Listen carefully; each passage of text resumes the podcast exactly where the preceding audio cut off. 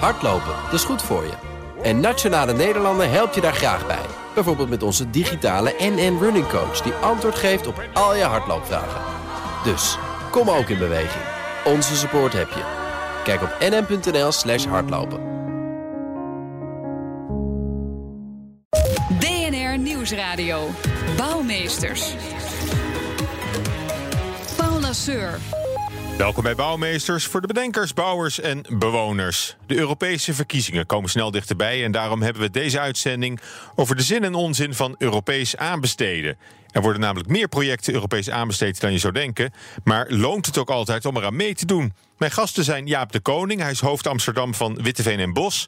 Ook bestuurder bij de Europese Koepel voor Ingenieurs, de EFCA. En Raimar van Meding, hij is algemeen directeur van het Rotterdamse architectenbureau KAW. Hartelijk welkom allebei. Dankjewel. Dankjewel. Goed dat jullie er zijn. Ja, voordat we gaan praten over Europese aanbesteden, hebben we zoals altijd eh, bouwnieuws eh, van, eh, van mijn gasten. En Raimar, je wilde het graag hebben over de grootste Europese nederzetting van tiny houses. Hartstikke hip natuurlijk, hè?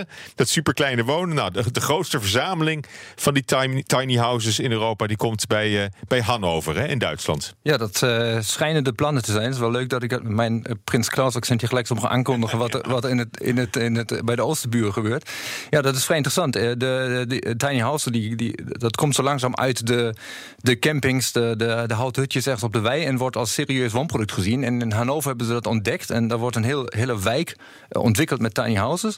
En wat wel leuk is in het kader van de Europese thematiek die we vandaag bij de kop hebben, is dat de, de kennis die erachter zit, dus de manier hmm. hoe je met de tiny house omgaat, die wordt voor een deel geleverd uit, uit Almere van het woningbouwatelier van de gemeente Almere. Omdat daar namelijk al geëxperimenteerd wordt met tiny houses als een regulier woonproduct. Dus dat is een Nederlands-Duitse co-productie? Precies, ja, precies. Oh, oh, dat is leuk. En, en hoe tiny zijn die houses dan? Want als je, het, uh, als je ze bij elkaar zet, heb je eigenlijk gewoon een soort camping, denk ik dan. Ja, nou ja, de, kijk, de sprake van de, de kleinste woning die om en bij de 15 à 20 vierkante meter groot zijn.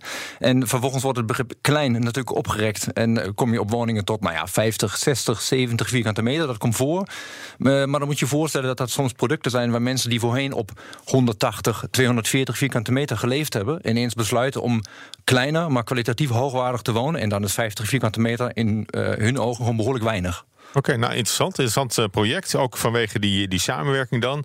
En uh, Jaap, jij wil het graag hebben over uh, een aanbesteding in het Groningse Loppersum. Want daar werden alle bewoners bij betrokken. Ja, dat klopt. Ik, dat viel mij op in de Cobouw. stond een artikel uitgebreid over de manier waarop de bewoners daar betrokken werden bij de selectie van de aannemer.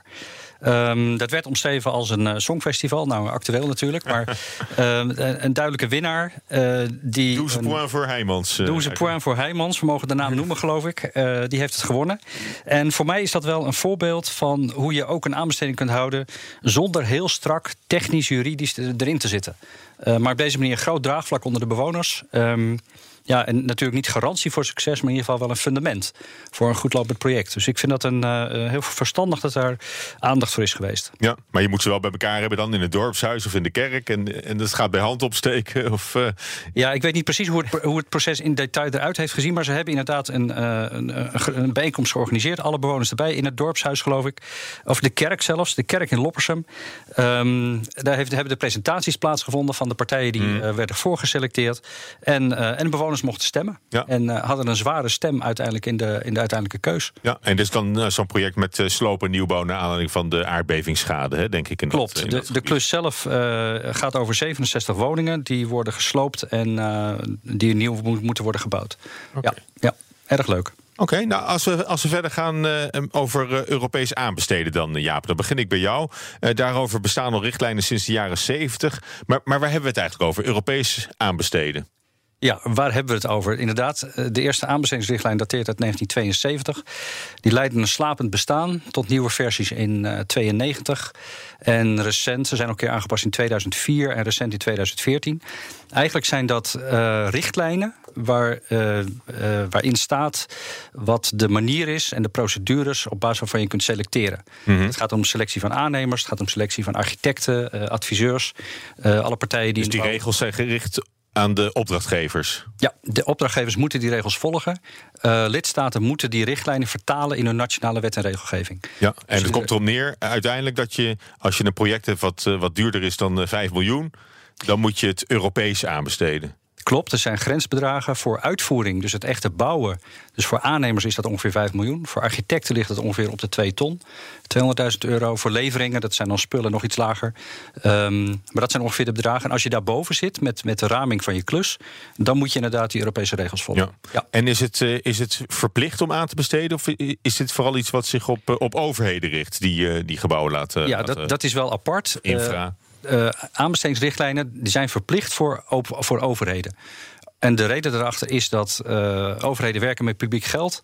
Nou, publiek geld moet je verantwoord besteden. Dus vandaar dat overheden de plicht krijgen opgelegd om aan te besteden. Dus om de markt uh, zodanig uh, in staat te stellen ja. en om aanbieden dat, dat, dat, meerdere, dat meerdere aannemers de gelegenheid krijgen om hun. Ja om hun, ja, om, om hun pitch te doen eigenlijk. Of architecten of, of ja. Uh, net wie je wil selecteren. Ja, want je bent ook voorzitter of, of bestuurder bij de Europese koepelorganisatie van, van ingenieurs. Is dit nou een, een onderwerp wat, wat in Europa leeft? Ja, het leeft wel. Um, we hebben. Ik ben voorzitter van de Internal Market Committee, zoals het zo mooi heet. We hebben actief meegedacht met de laatste versie van de richtlijn uit 2014. En alle lidstaten uh, hebben daar de nodige energie in gestopt, gestopt zeg maar, om hun belangen daarin uh, uh, te verwerken. Het heeft ook vier jaar geduurd. Dan zie je dat we een heel moeizaam proces hebben in Europa. Het gaat om één set aan regelgeving hè, voor zoiets. 24 landen die eraan meededen toen de tijd. Um, maar elk land heeft daar zeker uh, hecht daar waarde aan. Het is, je moet ja. het toch volgen. Je, en, ja. en, een voorbeeld misschien is dat um, met name de Oost-Europese landen... die hebben een hele lange historie van alleen maar gunnen op prijs. Met -hmm. andere woorden, prijs is het enige criterium. En dat hebben ze eigenlijk jarenlang voor alle soorten opdrachten gedaan. En wat er in die richtlijn zit, is dat je, uh, je moet gunnen op meer dan alleen prijs. Dus ook kwaliteitscriteria. Nou, en daar hebben ze nu, um, dat moeten ze nu ook gaan doen. Ja. Nou, en daar is, daar is wel, uh, hebben ze soms wel. Dat dat is wel even wennen, waarschijnlijk. Wel even wennen voor ze, ja. En uh, Rijmer, jij bent algemeen directeur van architectenbureau KAW in Rotterdam. Mm -hmm. Jij bent eigenlijk niet zo fan hè, van Europese aanbesteden. Terwijl ik me kan voorstellen dat je ook als architect de beste voordeel mee kan doen. Uh, zeker. Het levert toch ja. weer meer projecten op waar je op je kan inschrijven. Nou ja, het gekke is, kijk, uh, wij zijn een van de wat grotere architectenbureaus in Nederland. We hebben ook nog bureaus in uh, Groningen en Eindhoven. We werken door het hele land. Mhm. Mm en wij, hebben, wij halen exact 0 euro omzet uit Europese aanbestedingen. En daar word ik wel eens door collega's uh, stom verbaasd voor Terwijl je groot bureau bent. Ja, ja. Die zeggen van, goh, hoe gaat het eigenlijk dat je zonder Europese aanbestedingen kan overleven? Nou ja, ik kan je vertellen, het gaat heel goed. dus dat, dat, dat, dat kan ook echt heel goed. J jullie werken minder, minder voor de overheid? Wij werken, nou ja, wij werken minder op projecten die uh, een aanbestedingsplicht hebben, bijvoorbeeld. Dus onder de grens? bijvoorbeeld onder de grens. Wij, het is wel grappig, wij, wij zien de laatste jaren een hele business ontstaan van bureaus. en dan bedoel ik niet ons bureau, maar bureaus die die adviseren om Europese aanbestedingen te omzeilen. Dus trucs te verzinnen hoe je niet hoeft aan te besteden. Dus je, je merkt dat ineens ook uh, gekeken wordt. Dus, dus, jullie opdrachtgevers hebben dat soort intermediairs in de arm gehad? Dat komt voor. Dat ja. komt voor dat er over nagedacht wordt hoe, hoe, projecten verkleind worden, zodat ze to wat toegankelijker gemaakt worden om ze buiten de Europese aanbesteding uh, te, te, houden. Um, blijven ze ik, onder die drempel van ja. 5 miljoen? Kijk, ik ben, ik ben zelf uh, in zich heel geen. ik ben niet tegen Europese aanbesteding. Alleen ik merk dat um, er worden vrij veel krokodillentranen gehuild rondom die Europese aanbesteding. Omdat het, omdat het uh, duur is om daaraan mee te doen. Uh, omdat je daar bepaalde referenties voor nodig hebt om überhaupt mee te mogen doen. Waardoor mm. bepaalde bureaus de kans hebben om aan bepaalde soorten opdrachten mee te doen. En de vernieuwing. Maar KAW uh, voldoet, haalt die eisen toch wel? Uh, nee, wij hebben bijvoorbeeld bepaalde soorten referentieprojecten hebben we gewoon niet. En uh, daarom doen we ook bewust niet mee. En uh, het punt is wij. maar dat gaat dus ook niet gebeuren in de toekomst. Nou ja, wie weet. Maar het punt is, wij huilen er ook niet achteraan. We zeggen ook niet dat is per se nodig en dat moeten we doen. Want we hebben gemerkt dat het een hele, in ieder geval ja. ons een hele oneconomische manier is ja. om uh, je opdrachten te verwerken. Maar dat komt vooral omdat je die track record eigenlijk nodig hebt om, om je ja. te kunnen kwalificeren. Nou ja, wat bijvoorbeeld bij ons vrij bijzonder is, wij, wij, wij noemen onszelf wonoloog, omdat wij uh, als, als uh, Nederlands bureau in de volle breedte met het wonen bezig zijn. En er was een moment, en misschien zou je daar wat meer over kunnen vertellen, mm -hmm. dat opeens dreigde dat ook woningbouwprojecten van corporaties aanbesteed zouden moeten gaan worden, omdat corporaties van origine gefinancierd zijn uit ja. overheidsgelden, daar ooit uit voortkwamen. Nou, dat is uiteindelijk niet gekomen, maar volgens mij is dat altijd een twijfelgeval gebleven Ja. of dat volgens Europees recht eigenlijk wel eh, zou mogen. Ja, ik ga nu eh, naar iets anders eh, met jullie luisteren. Want voor deze uitzending hebben we gebeld met Carolien Nachtegaal. Zij zit namens de VVD in het Europarlement. En zij zet zich in voor MKB'ers en ondernemers. Eh, ze vertelde ons hoe Europese aanbestedingen een rol spelen in deze verkiezingen. Europese aanbestedingen speelt in die zin een rol bij de Europese verkiezingen. Als je kijkt naar het onderwerp eh, duurzaamheid en hoe komen we naar een duurzame economie en maken we de energietransitie mogelijk. En daarin zie je dat zeker ook eh, voor de VVD wordt gezegd dat Europese overheden ook zelf het goede voorbeeld moeten geven. Kansen zijn toch vaak onbenut. En circulariteit zou een zwaarder criterium kunnen zijn voor overheidsgebouwen en in de publieke sector bij de aanbestedingen. Wat ik een groot knelpunt vind, is dat er op dit moment soms zoveel eisen aan de voorkant worden gesteld dat het helemaal wordt dichtgetimmerd. En dat leidt er in mijn optiek toe dat ook de creativiteit en innovativiteit van de sector wordt ingeperkt. En dat moeten we voorkomen. Geef ze genoeg ruimte om die innovativiteit erin kwijt te kunnen. Dus timmer het niet aan de, aan de voorkant helemaal dicht met ongelooflijk veel eisen. Ik herken me daar natuurlijk als ontwerpende en juist creatieve partij heel erg. Ons valt sterk op dat eh, in de eh, eh, aanbestedingen die wij zo volgen en wij, zo nu en dan kijken, is het interessant om mee te doen dat ehm, eh, de selectiecriteria creativiteit niet heel, heel erg voorop hebben staan. En dat vooral de, zeg de ervaring en het, ja, het bedenken van een leuke oplossing voorop staat. Maar dat je eigenlijk. ik heb ook nog nooit een, een innovatief concept uit een Europese aanbesteding gezien. En ik heb de laatste tijd ook hoogst zelden eh, jonge. eh, nieuwe bureaus gezien. Dat valt me gewoon op. Want je zal verwachten, goh, als het eh, als het instrumentarium bedoeld is om de, de marktwerking te bevorderen, dan zouden er ook nieuwe eh, creatieve partijen eh, moeten kunnen opstaan. Nou, dat zie je gewoon niet gebeuren. En wat mij de laatste tijd vooral heel erg opvalt, is dat eh, ehm, ik, vind, ik merk dat als je in het buitenland werkt, of als buitenlandse architecten hier werken, dat zij soms andere creatieve oplossingen meebrengen. En ik zie de laatste jaren nauwelijks buitenlandse architecten in Nederland eh, sleutelprojecten bouwen. Dat vind ik gewoon best bijzonder. Dat was 10, 20 jaar geleden echt anders. Maar het is toch merkwaardig als die regels er zijn, ook om Ja. het Europees aanbesteden te, te stimuleren. Klopt. Dat een, een groot bureau als jullie, hè, KW, eh, daar eigenlijk niet aan meedoen. En dat je ook ziet, eh, ik zie ook geen buitenlandse bureaus hier in, in Nederland werken. Klopt. En dat is eigenlijk wel jammer. Want, eh, kijk, dan kan ik zeggen hartstikke leuk, dan wordt onze markt beschermd. Maar volgens mij was dat nou juist niet het idee van de Europese aanbesteding. Maar het Juist idee een was. interne markt ook voor de, voor de bouw creëren. Precies. Maar dat is, dat, is, dat is niet gebeurd. Nee, in ieder geval, kijk, het zal voor een deel misschien niet- niet aan de aanbestedingen zelf liggen, maar aan de manier waarop ze toegepast worden. Ik denk dat Jaap daar veel meer over eh, kan vertellen. Nou, misschien, misschien ligt het wel aan de, eh, aan de, aan de procedures, hè, de aanbestedingsprocedures, dat dat ook gewoon nodeloos ingewikkeld is. En dat is een van de, van de speerpunten ook van eh, VVD-Europarlementariër Carolien Nachtegaal, om die procedures misschien wat te vereenvoudigen. De inspanning die moet worden gepleegd bij Europese aanbestedingen staat eigenlijk niet in verhouding tot het winnen van de klus. Het zou natuurlijk heel mooi zijn als ook in de volgende termijn we de Europese aanbestedingen toch kunnen vereenvoudigen en een stukje bedrijfsvriendelijker kunnen maken.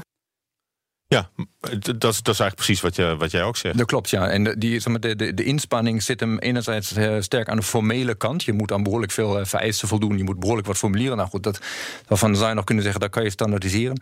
Maar ehm, eh, omdat op een gegeven moment onderscheidend vermogen in zo'n selectie gevraagd wordt, wordt zeker van de creatieve kant ook vrij veel inspanning gevraagd om dat aan te tonen en te bewijzen. En dat betekent inderdaad dat de, de workload aan de voorkant Ja. zo hoog is dat wij als bedrijf ook zeggen: Nou, dat, vinden we gewoon, dat gaan we gewoon ook echt niet doen. Want dat, dat loont niet in verhouding tot datgene wat je eruit haalt. Ja. Oh, Jaap, eh, dan kom ik toch, eh, toch bij jou uit eh, eh, met dit verhaal. Nederland schijnt toch koploper te zijn op het gebied van, van Europese aanbesteden. Eh, maar dat, dat komt dan niet door, eh, door, door KNW? Of is het aan de, Nee, aan maar- de opdrachtgeverskant? Nou, dat, nee, niet zozeer aan de opdrachtgeverskant. Het, ligt, het zit een beetje in eh, het feit dat wij inderdaad wat vooruit hebben gelopen op de laatste versie van de Europese richtlijnen. We hadden in 2013 al een nieuwe aanbestedingsrichtlijn. En daarin zat dat beoordelen, dat, dat gunnen zeg maar, op meer dan alleen prijs, dat zat er al in. Eh, dus wij hebben niet zoveel hoeven te doen, hè, die hele implementatie. Ja, het is misschien daar- belangrijk om een, om een kernbegrip te introduceren. Hè. Dat eh, komt uit de aanbestedingswet van 2012. Mhm. Dat was de EMVI, de economisch meest voordelige inschrijving. MVI, ja. De, de, de MVI, dat is... eh, Dat is het begrip, het heel belangrijk begrip inderdaad. En wat mij betreft een kernbegrip. Want met dat uh, die manier van gunnen kom je in ieder geval uit die neerwaartse prijsspiraal. Want die hebben we natuurlijk jarenlang gehad door alleen maar naar wat, prijs te Wat kijken. de Oost-Europeanen dus doen. Wat de Oost-Europeanen waar ze krampachtig uit proberen te komen, heel goed. Um, maar de, die envy, dat is, uh, uh, ja, dat is het element waarvan ik denk... dat is een, um, een manier waarop je ook architecten... in ieder geval op een gebalanceerde manier kunt selecteren. Ja, want daarbovenop hebben we ook nog de gids proportionaliteit ingevoerd. Klopt. Ja. En dat is voor mij ook al in zo zes jaar geleden. Samen, met, sa jaar, samen met, die, met die aanbestedingswet. Ja, dat is een heel bijzonder ding. Ja, Nederland hanteert eigenlijk als enige land in de EU uh, die gids. Hè, die, en die bewaakt uh, een beetje de verhouding tussen inhoud en eisen. Eigenlijk het punt waarop uh, afhaakt. Nou, die, het is wel toevallig is hij net in het Engels verschenen. Het Instituut voor Bouwrecht heeft nu een Engelse vertaling gemaakt. Omdat veel lidstaten toch vroegen mm. aan Nederland... Van hoe ziet die gids er dan uit? omdat het een heel bijzonder hulpmiddel is... om op een, ja, op een proportionele manier je eisen te formuleren. Ja, want het klinkt in eerste instantie als, als weer een gids, weer meer regels, weer meer. Uh, ja, maar hij heeft dus wel hij heeft wetstatus, hè? dat is heel bijzonder. De Tweede Kamer heeft en toen het, besloten, hij moet onderdeel worden van de wet. En het werkt. Het werkt, het is een, het is een, het is een prima middel. Um, maar misschien, kijk, het alles kan werken.